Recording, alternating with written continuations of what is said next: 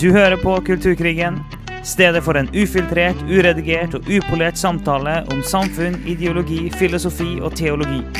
En podkast av og med Steinar Lofnes og Alf Kåre Dalsbø.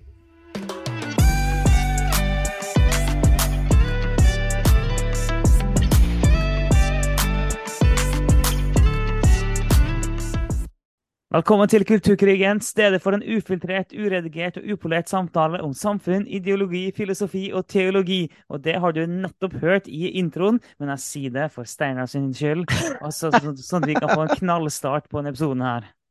Jeg er målløs, dere. At det er helt uh, Jeg føler du nesten, nesten sånn går over i ikke bare en demonstrasjon, men sånn, det, det grenser til litt spott, nesten, Alfkåre. Er det det? Ligger det spott i ditt hjerte? Det, det gjør nok det. Så jeg, jeg, får, jeg, får ta, jeg, får, jeg får ta det med Gud etterpå. jeg syns det er supert. Um, Men jeg, jeg, innså, jeg innså nå at nå har jeg faktisk fått to episoder med ganske lik åpning. Siden jeg gjorde egentlig akkurat samme forrige episode. Jeg bare klarte ikke å dy meg nå når vi skulle starte. Kan du den utenat, eller leser du det når du Jeg kan nesten utenat. Eller jeg kan egentlig utenat, men i øyeblikket så kan det være at jeg glemmer rekkefølgen på ordene. Ja.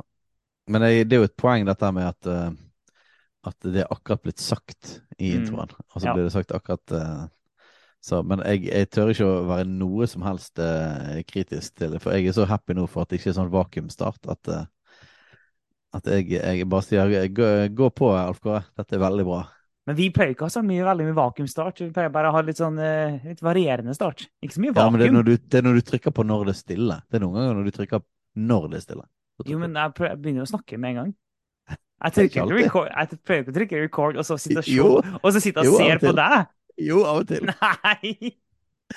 Ja, dette får eh, lytterne de får eh, finne ut av. Gå tilbake og sjekke introene i forskjellige episoder. Nei, det, det, det, her er din, eh, det her er din levde og følte virkelighet, Steinar. Det, ikke, det, ja, det, det, her er ikke en korrekt representasjon av virkeligheten. Så jeg anerkjenner at du føler det sånn. Jeg anerkjenner ikke at, anerkjenner ikke at det er, objektivt. Det er jo Et interessant spørsmål her er jo om du, om du kutter litt ned òg eh, på introen når du redigerer. Ja. Ja, prøver det kan, jo være at, det kan jo være at det er det, og så har du kuttet. Nei, dette, dette, vi får se da, hva som er objektiv uh, sannhet her, og hva som er bare levd virkelighet. Ja, det får vi. Men vi, i dag skal vi snakke om uh, ja, utvidelse av forbud mot forkynnelser i skolen. Ja. Og uh, kunnskapsministeren ja, vi må jo innrømme det, at vi syns at vi har noen folk i regjering som er i overkant aktivistiske. Ja, det, det er rett og slett uh, Vi har noen som uh, Den beste måten å beskrive dem på, og kanskje den mildeste måten å beskrive dem på, er det. da, det, det, det er noen aktivistiske tendenser hos enkelte regjeringsmedlemmer. og det er jo, det, er jo ingen, Vi har allerede nevnt en tidligere, så vår kultur- og likestillingsminister Trettebergstuen er jo en av dem. Men, ehm, men Tonje Brenna er jo eh, det, det, kjøret mot forkynnelse i skolen som hun legger opp til, det òg har noen aktivistiske tendenser i seg, altså.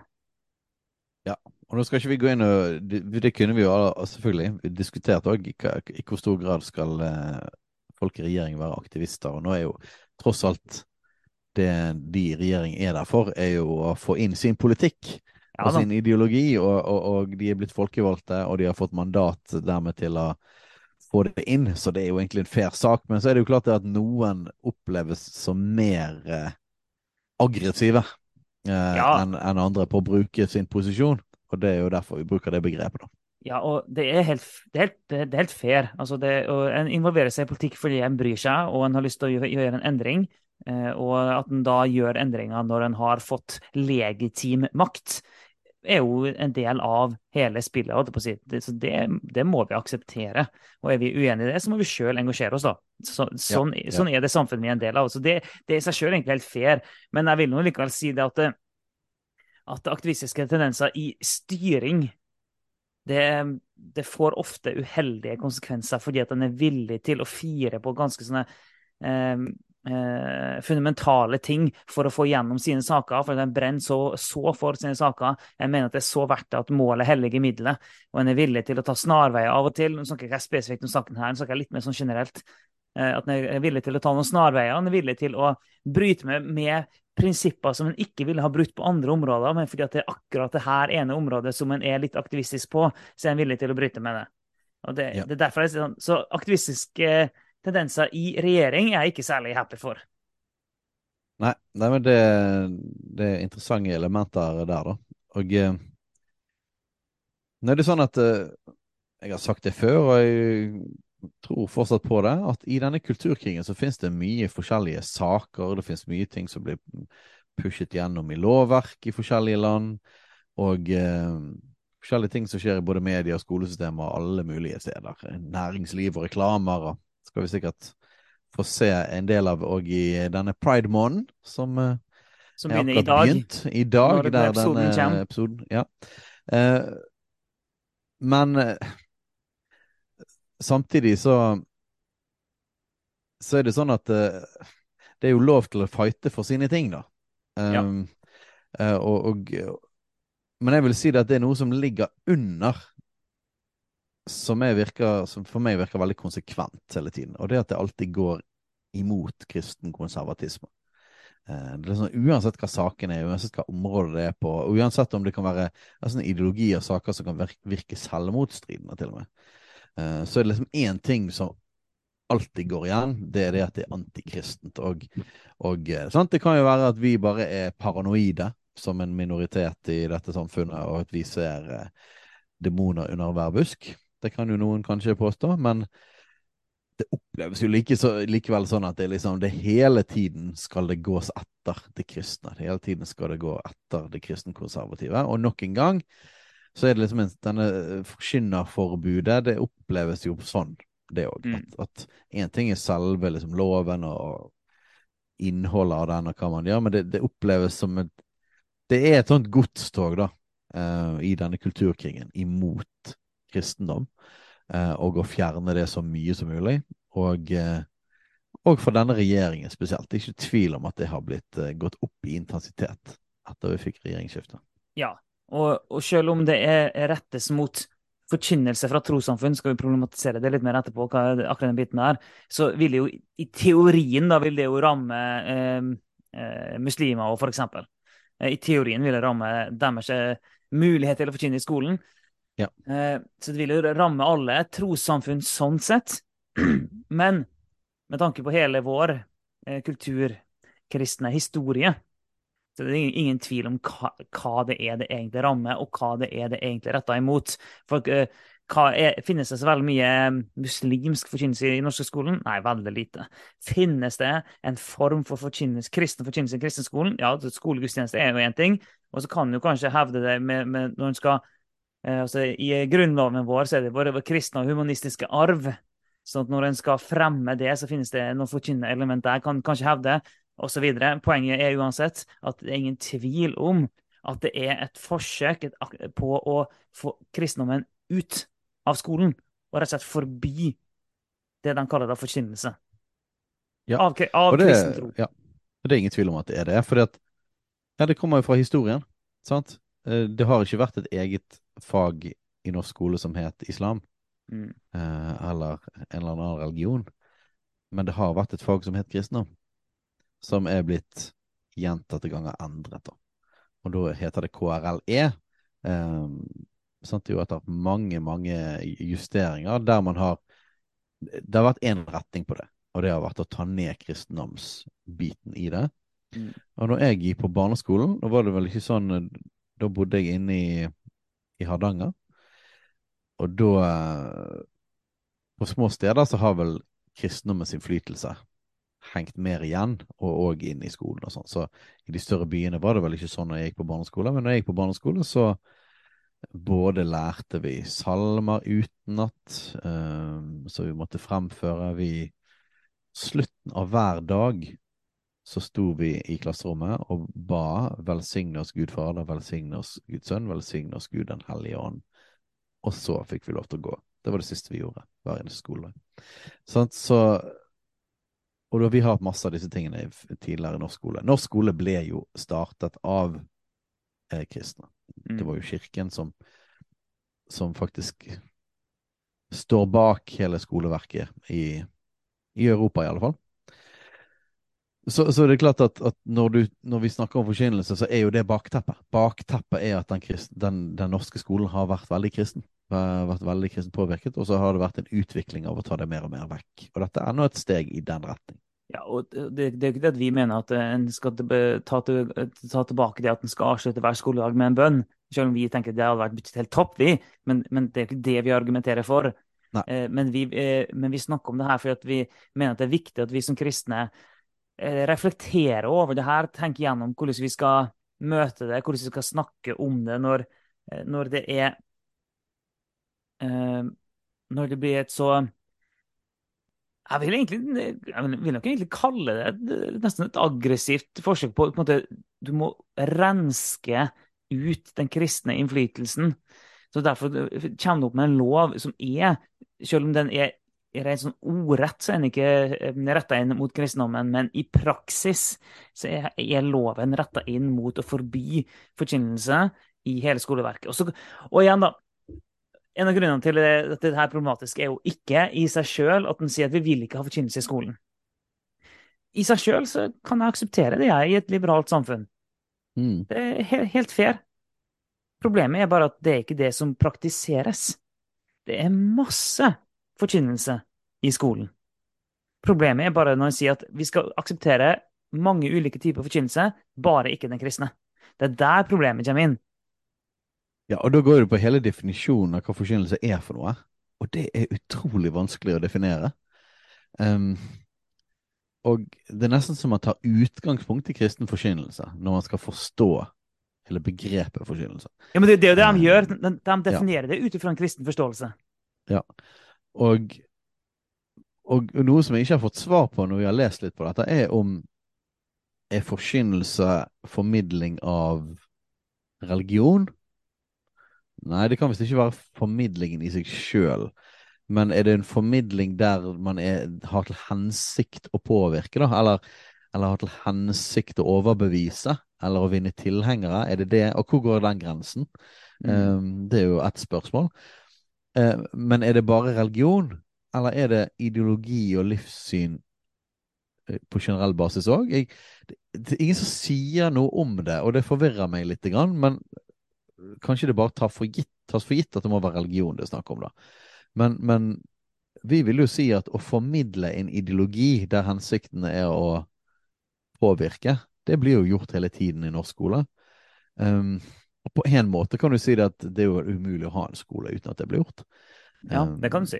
Det er visse verdier som du må på en måte formidle. altså Troen på demokratiet, troen på, på ytringsfrihet, troen på eh, ja, det konstitusjonelle monarkiet her, og, eh, den formen for milde nasjonalisme som, som tror på nasjonalstaten, og eh, at vi har et flagg. Og alle disse tingene er jo ting som jeg nevner fordi at det blir tatt som en selvfølge, og at det har støtte i nesten hele befolkningen. Eh, men det er jo formidling av ideologi og verdier, det òg. Eh, som, som, hvis du hadde dratt til Iran, så hadde det vært annerledes. Eller hadde du dratt til eh, Kina, så hadde det vært annerledes. Sant? Så, så det er klart at alle, alle skolesystem formidler verdiene til det samfunnet på en eller annen måte. Og det kan jo på en måte ikke være galt i seg sjøl. Men Nei. så har du òg den varianten at, at, når du har formidling av ideologi som ikke har støtte nødvendigvis i hele befolkningen, og som er mer kontroversiell, og som formidles mye mer offensivt og strategisk, som for eksempel Rosa kompetanse og eh, Foreningen FRI sin inngang i skolen. Eh, er det ikke forkynnelse? Er det fordi det ikke, man formidler troen på en gud? Um, er det da det blir forkynnelse? Eller liksom at Buddhisme er jo for så vidt Tror de ikke på en gud engang, så hva er forskjellen på buddhisme eh, og pride-ideologi, for eksempel? Mm. Ja. Vi kaster bare ut masse av disse problemstillingene. Jo, men det, og det er kjempeinteressant. Og det, det, er jo tydelig at det er eh, det, er, det, sånn det går på trossamfunn og det religiøse, og dermed i praksis det kristne pga. vår historie i Norge. Eh, at det er det som angripes sånn. Og, og eh, som vi sa, bare hele begrepet forkynnelse. Eh, og selv når eh, for eksempel når SV uttaler seg om det, så er det med en kristen forståelse av selve begrepet. Eh, og SV uttaler, altså han som representerer SV i saken, sier jo sjøl at Prinsipielt skal vi søke etter en skole som gjør det åpent for elever å oppleve forskjellige trossamfunn, men som ikke aktivt forkynner mot elever sier han. Ok, Så han kobler forkynnelse til trossamfunn, og at den ikke skal aktivt forkynne mot elever. Ok, greit. Så det er det som er problematisk. Det er, når, det er en religion som aktivt forkynner sitt budskap mot elever. Det er det problematiske.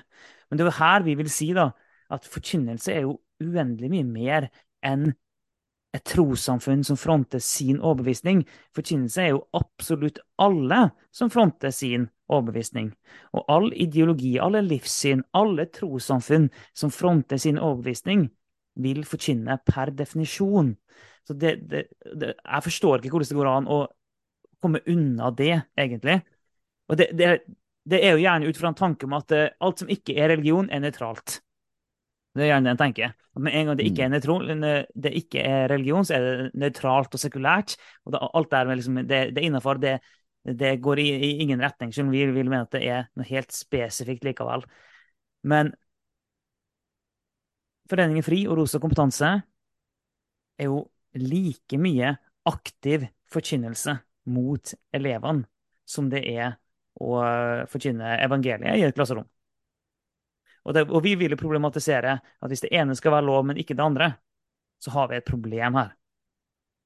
Ja, og da er det sånn og dette er jo mer å snakke om hele problemstillingen, mer at vi har på en måte nøyaktige svar på eh, hva skal du definere som forkynnelse, hva burde være lov og ikke lov i norske skoler. Men jeg tror kanskje mange ville vært enige om at hvis du formidler noe som allerede er eh, veldig akseptert i kulturen, og har en brei støtte i befolkningen, um, så er du på litt tryggere grunn. Så at du ja. formidler noe som på en måte representerer det store flertallet. Ja. Det har mer legitimitet dermed. Ja. Uh, ikke det at det da ikke betyr at det òg er forkynnelse, men da er det på en måte mer at du fortsetter å lære opp de neste generasjonene i det som på en måte samfunnet allerede tror på. det. Så da, da, har den, ja, da har den støtte en legitimitet, og det er klart at det hadde jo òg kristendom, øh, kristendommen før. Og det var òg grunnen til at man at det var naturlig å formidle det i den norske skolen. Så etter hvert som at det har blitt færre og færre kristne, eh, jo mer har dette blitt endret. Jeg, jeg, ser poenget i det. Utfordringen er jo det at vi har en del ting som blir pushet inn. Mm. Eh, og, og, skolen blir òg brukt sant? Og det, Hva er opplæring, og hva er propaganda? hva er hjernevasking, og hva er bare undervisning? Altså Det er jo ikke så mm. veldig enkelt å definere. Uh, for nok en gang, alle samfunn formidler sine verdier og det man tror på, sin virkelighetsforståelse. Um, men det er klart at med en gang det blir Det har noe med aggressivitet å gjøre. Det har noe med legitimitet og støtte i befolkningen. Um, er det noe nytt som kommer? sant? Hvis du, hvis du tar uh, det vi mer kaller liksom sånn derre si, hjernevasking eller sånn ideologisk indoktrinering, da, så er det jo ofte sånn tar Sovjetunionen, da. Sant? Så var det ikke støtte for marxismen i befolkningen. Sant? Det var jo et lite mindretall som gjorde revolusjon, tok makten, vant så borger, på, påkom det den borgerkrigen som var, og etter hvert så kontrollerer man institusjonene. Og så begynner man med et Du har et mindretall av befolkningen og så begynner du å få inn din virkelighetsforståelse, din lære, eh, din ideologi, inn i samfunnet gjennom å systematisk lære opp i skolen. Eh, og da kommer du fra Og, og det, det, er ofte da vi bruker sånne begreper som indoktrinering.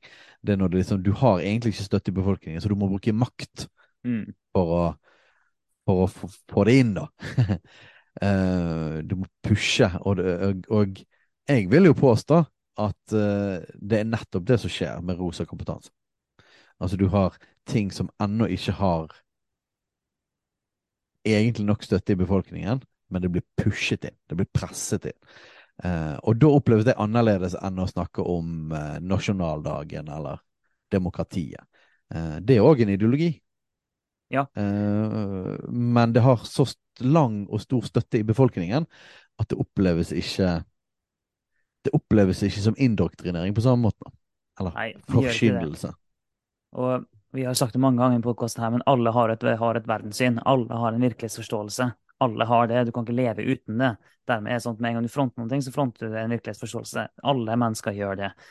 Men eh, i, når det gjelder norske skoler. For én ting er jo det å prøve å pushe noe inn som ikke har folk, egentlig folkelig støtte, eller noe som egentlig ikke har legitimitet. En ting er å prøve å pushe noe inn, mens her er det å faktisk prøve å pushe noe ut i tillegg. Eh, Ja. Men det er jo ikke bare det, da. Det er at du tar eh, altså, Igjen, mitt poeng er ikke at vi skal ha, ta bønn tilbake inn i skolen, sånn at vi skal avslutte hver dag med bønn, og at vi skal lære salmer på skolen. Det er ikke mitt poeng. Eh, jeg syns det er helt greit at, det, at ikke vi gjør det på skolen. Mm. Eh, Det, det, det, det, lever jeg veldig fint med. Og det har jo Men- litt med dette at, at støtte i befolkningen òg Ja, ja men, jo, jo men, det, men det er faktisk et godt poeng. Det altså det, det har ikke lenger den samme legitimiteten i befolkningen. Derfor er det helt fair at ikke skolen har det samme eh, Ikke i like stor grad, da, eh, måte kjøre en form for trosopplæring av elevene. For, det, for samfunnet har forandret seg. Helt fair. Eh, vi som er ledere av menighet, får ta den utfordringen. Med, det, det går bra. Ja. Men, men du, tar, du tar et element som har vært en del av den norske skolen fra dag én. Fra dag én i den norske skolen. Og så har den norske skolen vært i utvikling. da. Så det sånn, Når skulle du si, sette er starttidspunkt for den? Det kan ha vært vanskelig. Men si da 200 år. Du tar et element som har vært en del av den norske skolen i 200 år, og så sier du det skal ikke være lov. Og så tar du et element som er ti år gammelt, Mm. og det skal presses inn. Så det er ikke bare det at no- noe skal presses inn men du, eh, som er nytt, men du tar noe som har vært en del av skolen, hele skolens historie, og det skal forbys. Og nei da, det er ikke sånn at den skal forbi kristendommen, og at et sånt kristendomsfag forsvinner og sånn. Det er jo ikke det, men det er bare den her aggressive greien at forkynnelse er ikke lov.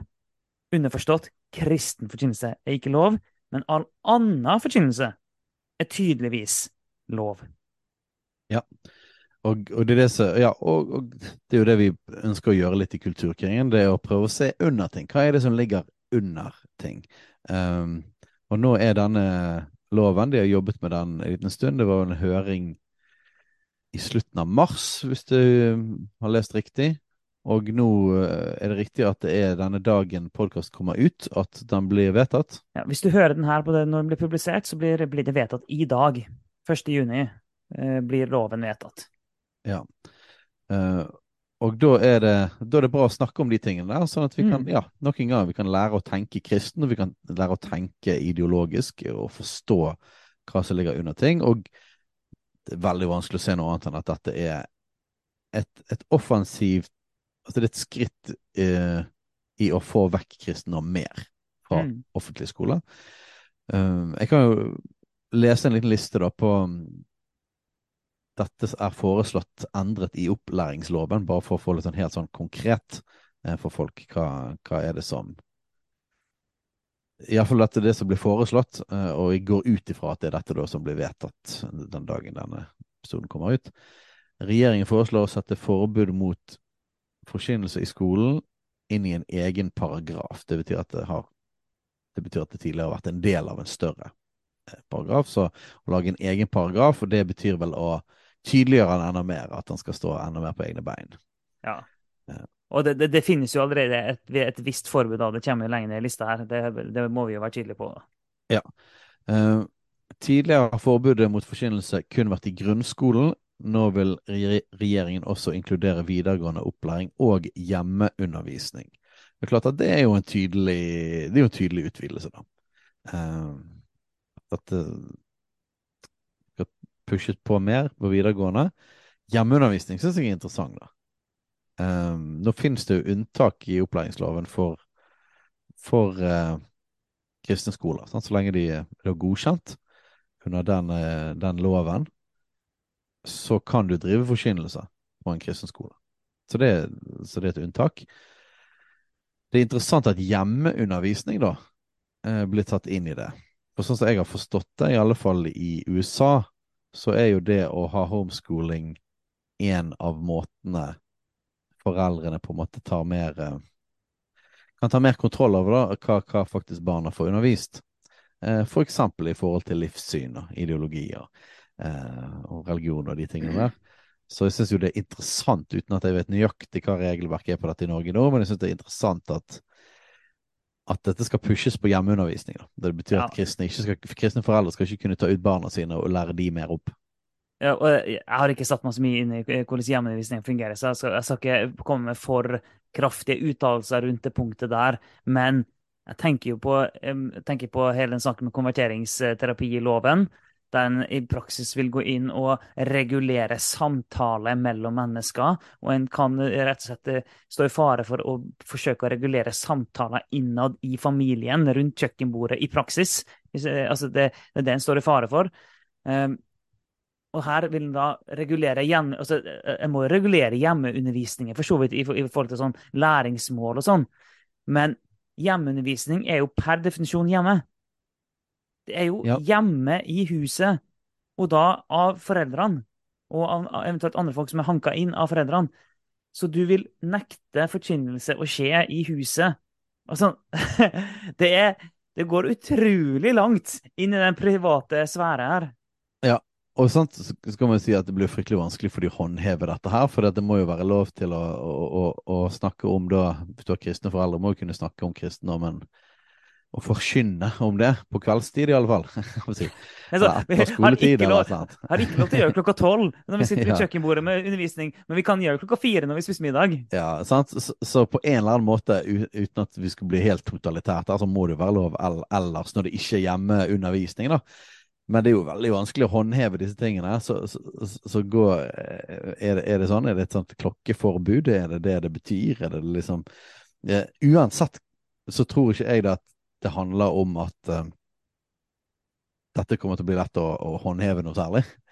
Uh, men jeg tror likevel så er det et signal. Det er et signal om en utvidelse, og at til og med inn i hjemmeundervisningen så ønsker staten å være er på hugget, da. Gi et tydelig signal eh, om at det er ikke bare å gjøre hva du vil når det gjelder å formidle din tro til barna dine, eller i hjemmeundervisning. Så, så, så det er i alle fall et signal, det er ingen tvil om. Og vi, og vi vil bare minne om da, det her med at det er, det er spesifikt retta inn mot kristen forkynnelse. Det står ikke det, men i praksis så blir det det. Eh, opplys, og det er jo interessant nettopp på dette punktet. Opplysningssenteret for hjemmeundervisning og en rekke privatpersoner støtter ikke det siste leddet i forslaget i, deres høringsforsvar. Så, så dette er tydeligvis noe det har, eh, så har, det har kommet motstand på, da. Eh, så det er interessant. Vi har, vi har ikke gått ordentlig inn i nøyaktig hva saken er der, eller status er der. Men, eh, men det, er, det er jo et skritt inn i å ta vekk eh, foreldres frihet. Altså, det er et skritt den veien. Det er et, skritt, et ønske om det. Det er et signal fra regjeringen om det. Og det er noe som Dette kan jeg si uten at det egentlig er verken populistisk eller usant. Det er slett det er alltid den veien det går når du får regjeringer fra venstresiden. Mm. Det er helt konsekvent.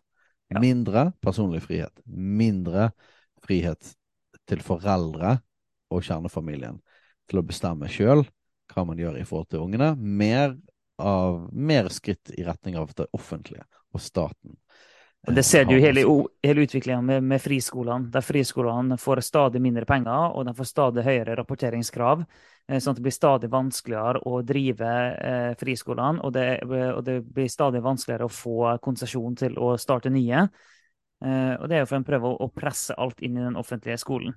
Og jeg, jeg mener at vi må ha en sterk og solid offentlig skole. Jeg har forståelse for deler av argumentasjonen med, Ja. med, med den skolen. At den skal, være, den skal representere hele befolkningen, den skal være et så godt samlingssted. Sånn, eh, så jeg, har- forståelse for visse argumenter her, men det er når en så, så tydelig og aktivt går inn for å, å um, med, med restriksjoner på friskolene.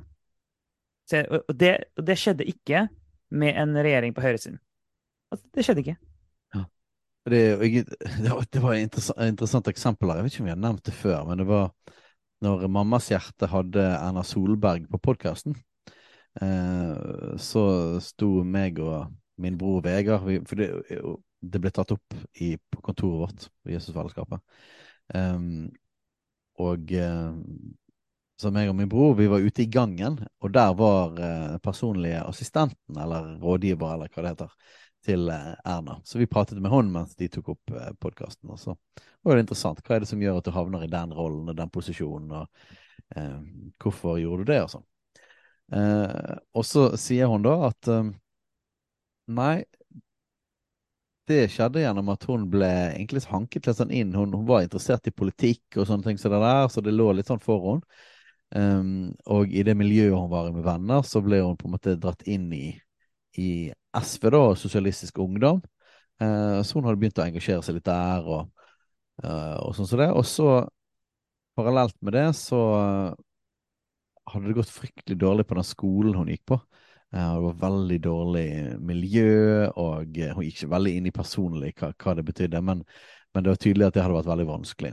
Som gjorde det at hun byttet skole til en kristen skole. Og det var KG, da, som er liksom den store kristne skolen i Oslo. Um, og det hadde vært utrolig bra for henne, både i forhold til eh, miljø og eh, utvikling og læring. At det hadde vært liksom noe av det beste eh, valget de hadde gjort i livet hennes. Og liksom hun blomstret. Og... Så hun hadde veldig sånn hjerte for det. da, liksom. Det var, det var skikkelig bra. Hun var ikke personlig kristen. Uh, klassisk eh, liberaler, egentlig, eh, fra Høyre. Unge, unge Høyre, unge Høyre-person. ikke kristen familie. Men hun hadde en veldig positiv opplevelse av å gå på en kristen privatskole. Og så, i forbindelse med dette med, med SV og sånt, så, så, var det en eh, Så hadde hun vært med på en Hørte en tale, da, av uh, oh, Hva hun het den gamle lederen i SV? Kristin Halvorsen. Kristin Halvorsen. Og så hadde Kristin Halvorsen det var et eller annet med at hvis vi kommer inn i regjering, skal vi gjøre dette, eller, når, eller det var rett når de hadde kommet inn i regjering. Det var iallfall en flammende tale der hun brukte hele talen, og hennes hovedhjerte, liksom, da, det var eh, hvordan de skulle begrense og forby og, eh, i forhold til kristne privatskoler. Det var liksom hennes eh, kjernegreie, og det hadde truffet henne sånn kraftig, da. At hun var sånn Vet du hva, dette her kan ikke jeg være med på. Denne skolen er det beste, det beste som har skjedd i livet mitt. Eh, og det så Kristin Halvorsen pushet hun rett og slett over i helt motsatt. Og så så hun det at de som var i stor støtte til privatskoler og kristne privatskoler, det var Høyre. Mm. Eh, så hun sa det at hun hadde til og med møtt Kristin Halvorsen og sagt at eh, din tale om privatskoler var det som gjorde at jeg eh, havnet i Høyre, og som er da grunnen til at hun nå var eh, rådgiver for Erna Solberg. Ja, interessant. interessant. interessant historie. Jo, men det, men det er, det er iallfall ingen tvil om at det, om at er, der er det forskjell på en regjering på høyresiden og venstresiden. Det, det er det. I, hvordan, hva en legger til rette for, da, og, eh, og hvor villig en er til å bruke statens makt. Der, altså, det, det, er en forskjell der. Ja, Det handler jo om respekten for uh, foreldre og individets rett til å bestemme. Vi er ikke høyrefolk, for å si sånn. Så jeg sier ikke det som en, Vi snakker om akkurat denne saken her, og vi snakker om at det, dette er en av ryggmargsrefleksene for kristne når det kommer til sosialdemokratiske og sosialistiske partier og regjeringer, er det at, at vi merker med en gang et press på foreldre og familien i forhold til det friheten til å formidle det vi tror på, til våre egne barn. Eh, ja. og det er noe som på en måte Det, det trigger oss litt, for å si sånn. Altså, det, sånn. Ja, det gjør det. Og eh, jeg vil bare lese opp noe som for statssekretæren i Kunnskapsdepartementet han sier jo da at formålet med utvidelsen av forbundet er å tydeliggjøre at forkynnelse ikke skal være en del av undervisninga i grunnskolen og på videregående, sier han. Ok, eh, Det er jo et forbud på grunnskolen og i KRLE-faget, og det, så skal det utvides til hele skolen. Og på en måte eh, greit nok, hvis, hvis, tanken er at en skal kunne gå på skolen uten å liksom, få masse, masse sånn aktiv forkynnelse mot seg, hvis det, det er tanken, ok, det, det, i seg sjøl, sånn isolert sett, så har jeg ikke så mye problem med det. Nettopp og fordi det er noe han sier rett etterpå. Da sier han at Dette er den første helhetlige gjennomgangen av opplæringsloven på 25 år. I løpet av de 25 årene har samfunnet og skolen endra seg mye. Vi er et samfunn med mange trosretninger, men også mange som ikke tror på noe. Vi ønsker å bedre tilpasse skolen til samfunnet vi lever i. Ok, da er en egentlig inne på det, det vi snakka om i stad. Hvorfor vi syns det er helt greit at det ikke er bønn avslutt, som avslutter dagen på skolen. Det er fordi at det er folk fra alle mulige retninger, og en vil ha en skole som er tilpassa det. Helt fair. Har ingen problem med det. Den argumentasjonen har jeg forståelse for. Men det er når en sier at det er én spesifikk type forkynnelse som er problemet, og at en da ikke er villig til å definere veldig mye annet som forkynnelse, selv om det helt åpenbart er forkynnelse. Jepp. Jeg kan jo lese ferdig bare et par punkter til på den uh, forslaget da, til endringen opp i opplæringsloven. Uh, så vi pratet litt om, om, dette med både hjemmeundervisning og private skoler, og, effekten inn på det. Står det òg at fra før har forbudet vært rettet spesielt mot KRLE-faget. Regjeringen foreslår nå at det skal gjelde i alle fag. Så det er på en måte en utvidelse og en styrking der. Så både i ikke bare grunnskole, men òg videregående gjennomundervisning, men så òg nå alle fag. Så måte, den loven skal være kraftigere og mer altomfattende da, i hele skolen. Og så står det at loven er sendt til Stortinget for behandling og skal tre i kraft fra skolestart 2024. Så han blir sannsynligvis da øh, godkjent, eller går gjennom Stortinget nå. Men uh, han trer ikke i kraft helt ennå. Men det er jo helt tydelig at dette er dette er et tydelig signal igjen. Det er en, det er en, det er en styrking av dette her. Toget av sekularisering og å få kristendommen mer ut. Eh, og det har jo vært òg flere saker i forhold til det med kristne skolelag mm. eh, siste året, siste to årene. Eh, at det er flere og flere rektorer som begynner å forby ting, og det har vært en del eh, Ja, det har kommet opp på høyeste nivå på dette her, så dette, dette er jo kanskje det i sammenheng òg med det som har med kristendommen og norsk skole i det hele tatt. Mm. Um, og at det blir trangere kår da, uh, for, for kristen tro. Uh, jeg personlig ville hatt mer rom for både islam og andre trosretninger. Uh, og, og rom for, mer rom for den kristne tro. Jeg, jeg, jeg personlig mener det at istedenfor å kjøre en sånn fransk, gå en for fransk retning med at alt som lukter religion, skal totalforbys. Sant? I Frankrike er det jo til og med religiøse symboler. Det er ikke lov til å ha kors på seg. Mm. Eh, kors rundt halsen eller på klærne, eller det er heller ikke lov til å ha hijab. Eh, og istedenfor å gå den retningen, så syns jeg jo hadde jeg vært mye mer komfortabel med at, uh, at det skulle være rom for andre typer trosretninger, rom for mange ting. Eh, heller i en mer liberal retning med åpning for mange ting eh, enn i denne varianten, der vi skal på en måte få alt sammen ut. Der likevel ideologi får fullt innpass. Ja, ja. Til og med ideologi som ikke eh, har stor støtte i befolkningen. Ja, og jeg vet at jeg har skikkelig oppheng på det der, men av, av og til er det bare visse ting som trigger oss. Men det, det at jeg har, har, har sånn oppheng på det at, at uh, FRI sitt opplegg er forkynnelse, det òg. Og når uh, statssekretæren videre sier det at uh, at de vil, de vil håper at dette vil bevisstgjøre lærere og skoleeiere om at forbudet gjelder all opplæring, i tillegg til at elever i større grad skal oppleve at skolen har plass til dem. Ok, men hvis det er motivasjonen, hva med alle de kristne barna, da? Og igjen, jeg har ikke noe behov for å kjempe for en sånn her særegen kristen sak i skolen. Sånn. Det er ikke poenget mitt i det hele tatt. Jeg er veldig komfortabel med at skolen er mer Nøytral er helt feil ord, men at uh, skolen gjenspeiler måte, samfunnet, er, er, på, en måte helt fair. Men det her med at en ikke ser hvor, eh, hvor aktivt og nærmest aggressivt en går mot kristendom spesifikt. Ja. Uh, ser òg litt på Humanistisk Ungdom og Humanitisk Forbund, så uh, er de selvfølgelig veldig glad for dette her. Uh, og de snakker om at de har jobbet mot dette helt siden de ble startet, egentlig. så dette har vært en viktig sak for dem, så det må jo kunne sies å være at denne loven er jo da en seier for Humanitisk Forbund og for det de har jobbet for. Vi mener jo òg at Human-Etisk Forbund har ikke ikke livssynsnøytrale, de her, i det hele tatt. Vet du hva? For å si det sånn, når jeg gikk på ungdomsskolen, så hadde jeg en kontaktlærer som var ak svært aktiv i Human-Etisk Forbund. Det ble ikke akkurat lagt skjul på, for å si det veldig mildt. I tre, i tre år på ungdomsskolen så fikk, jeg, fikk vi det hamra inn igjen og igjen og igjen og igjen. Det, det human, humanetiske synspunktet. Men vi fikk òg hamra inn igjen og igjen og igjen problematiske ting med kristendommen. Jeg ble eh, utpekt i klasserommet flere ganger som en kristen av læreren som var, som eh, var aktiv i Human-Etisk Forbund. Altså, han drev på med så krystallklar eh, forkynnelse i det klasserommet der gjennom tre år.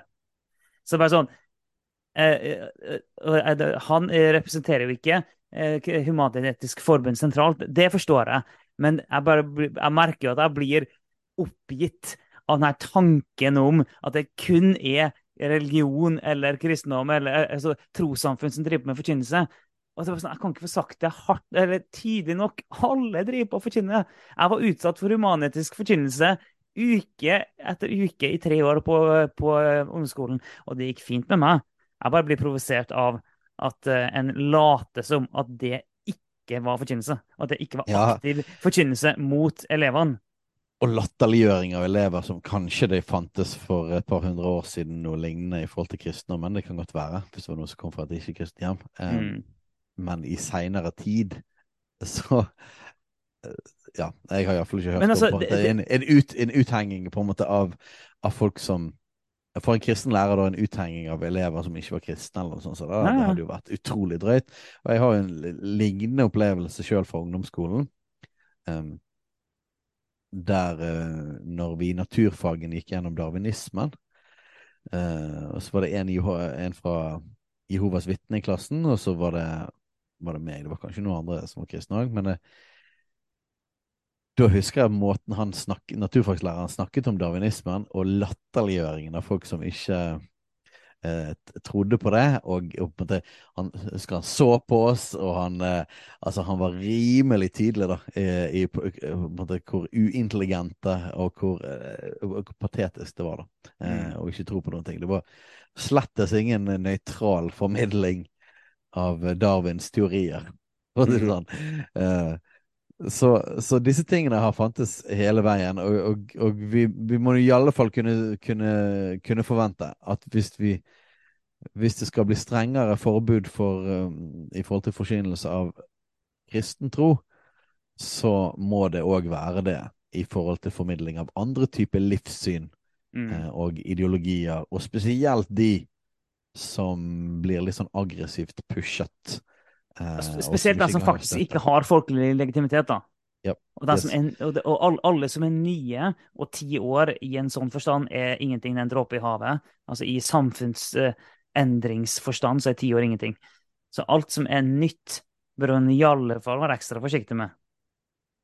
Ja, Og det er jo en påfall, men da går vi jo inn i det igjen, og dette har vi snakket om med, med Truls som så mange andre ganger. Men Ja.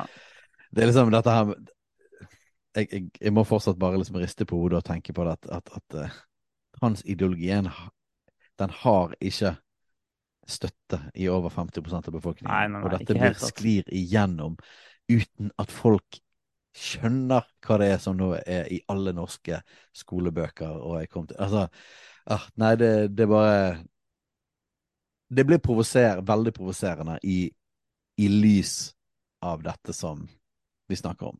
Eh, og da er det liksom Ja, men er dette konsekvent, da? Er dette logisk? Er dette Nei, det er ikke det. Det er ikke konsekvent.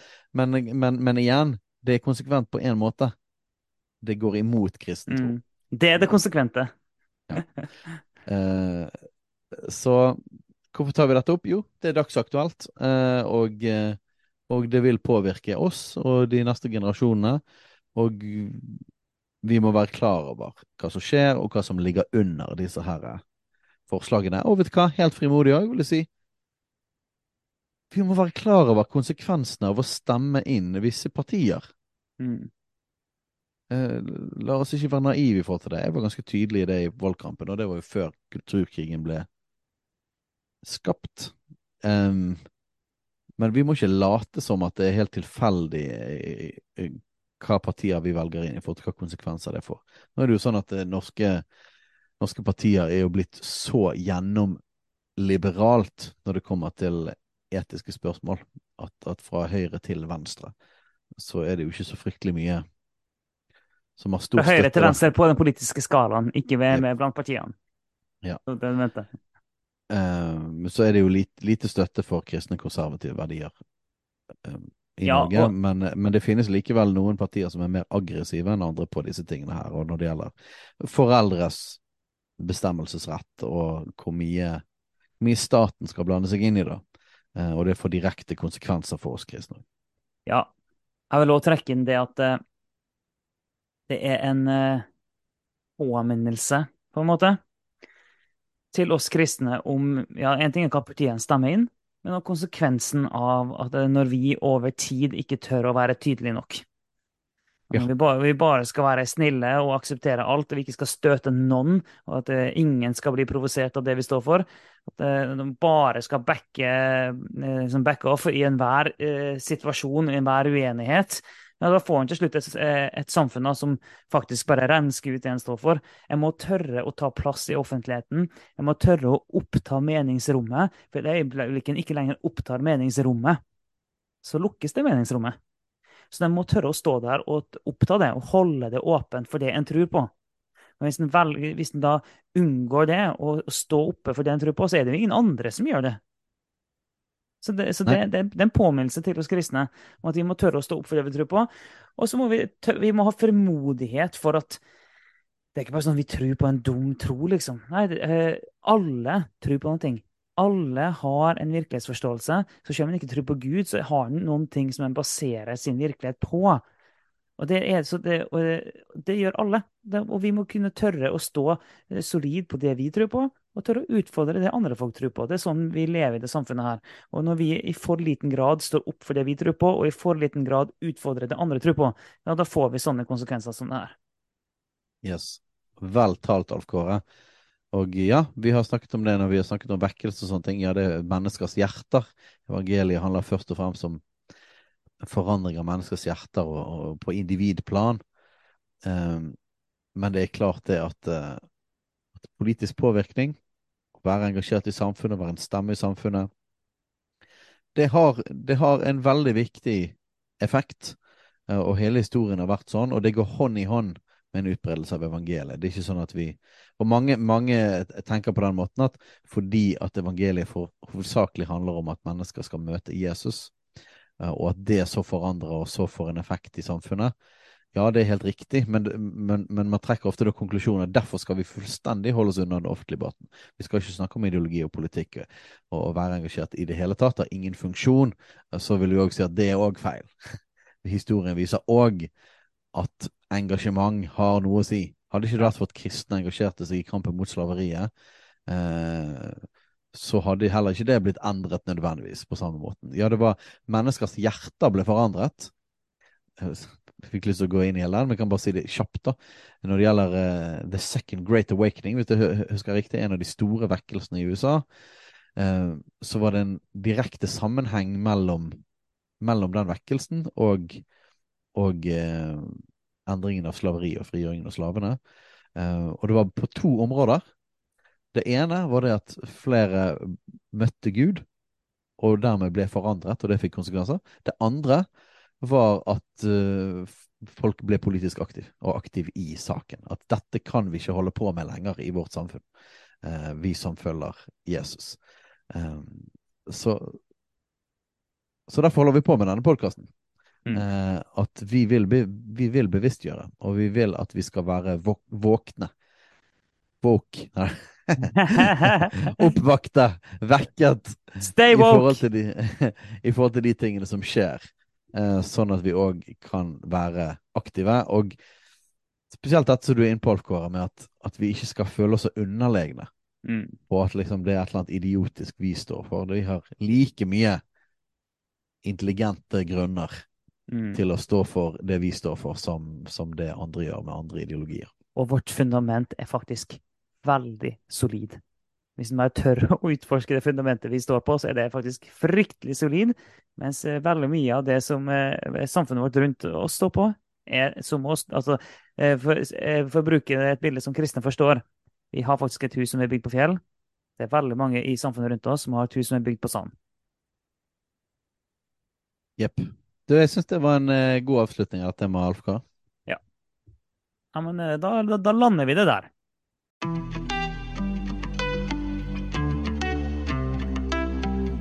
Takk for at du lytter på Kulturkrigen. Om du har tilbakemeldinger, spørsmål, hva som helst egentlig, send inn til post alfakrøll kulturkrigen.no eller på sosiale medier.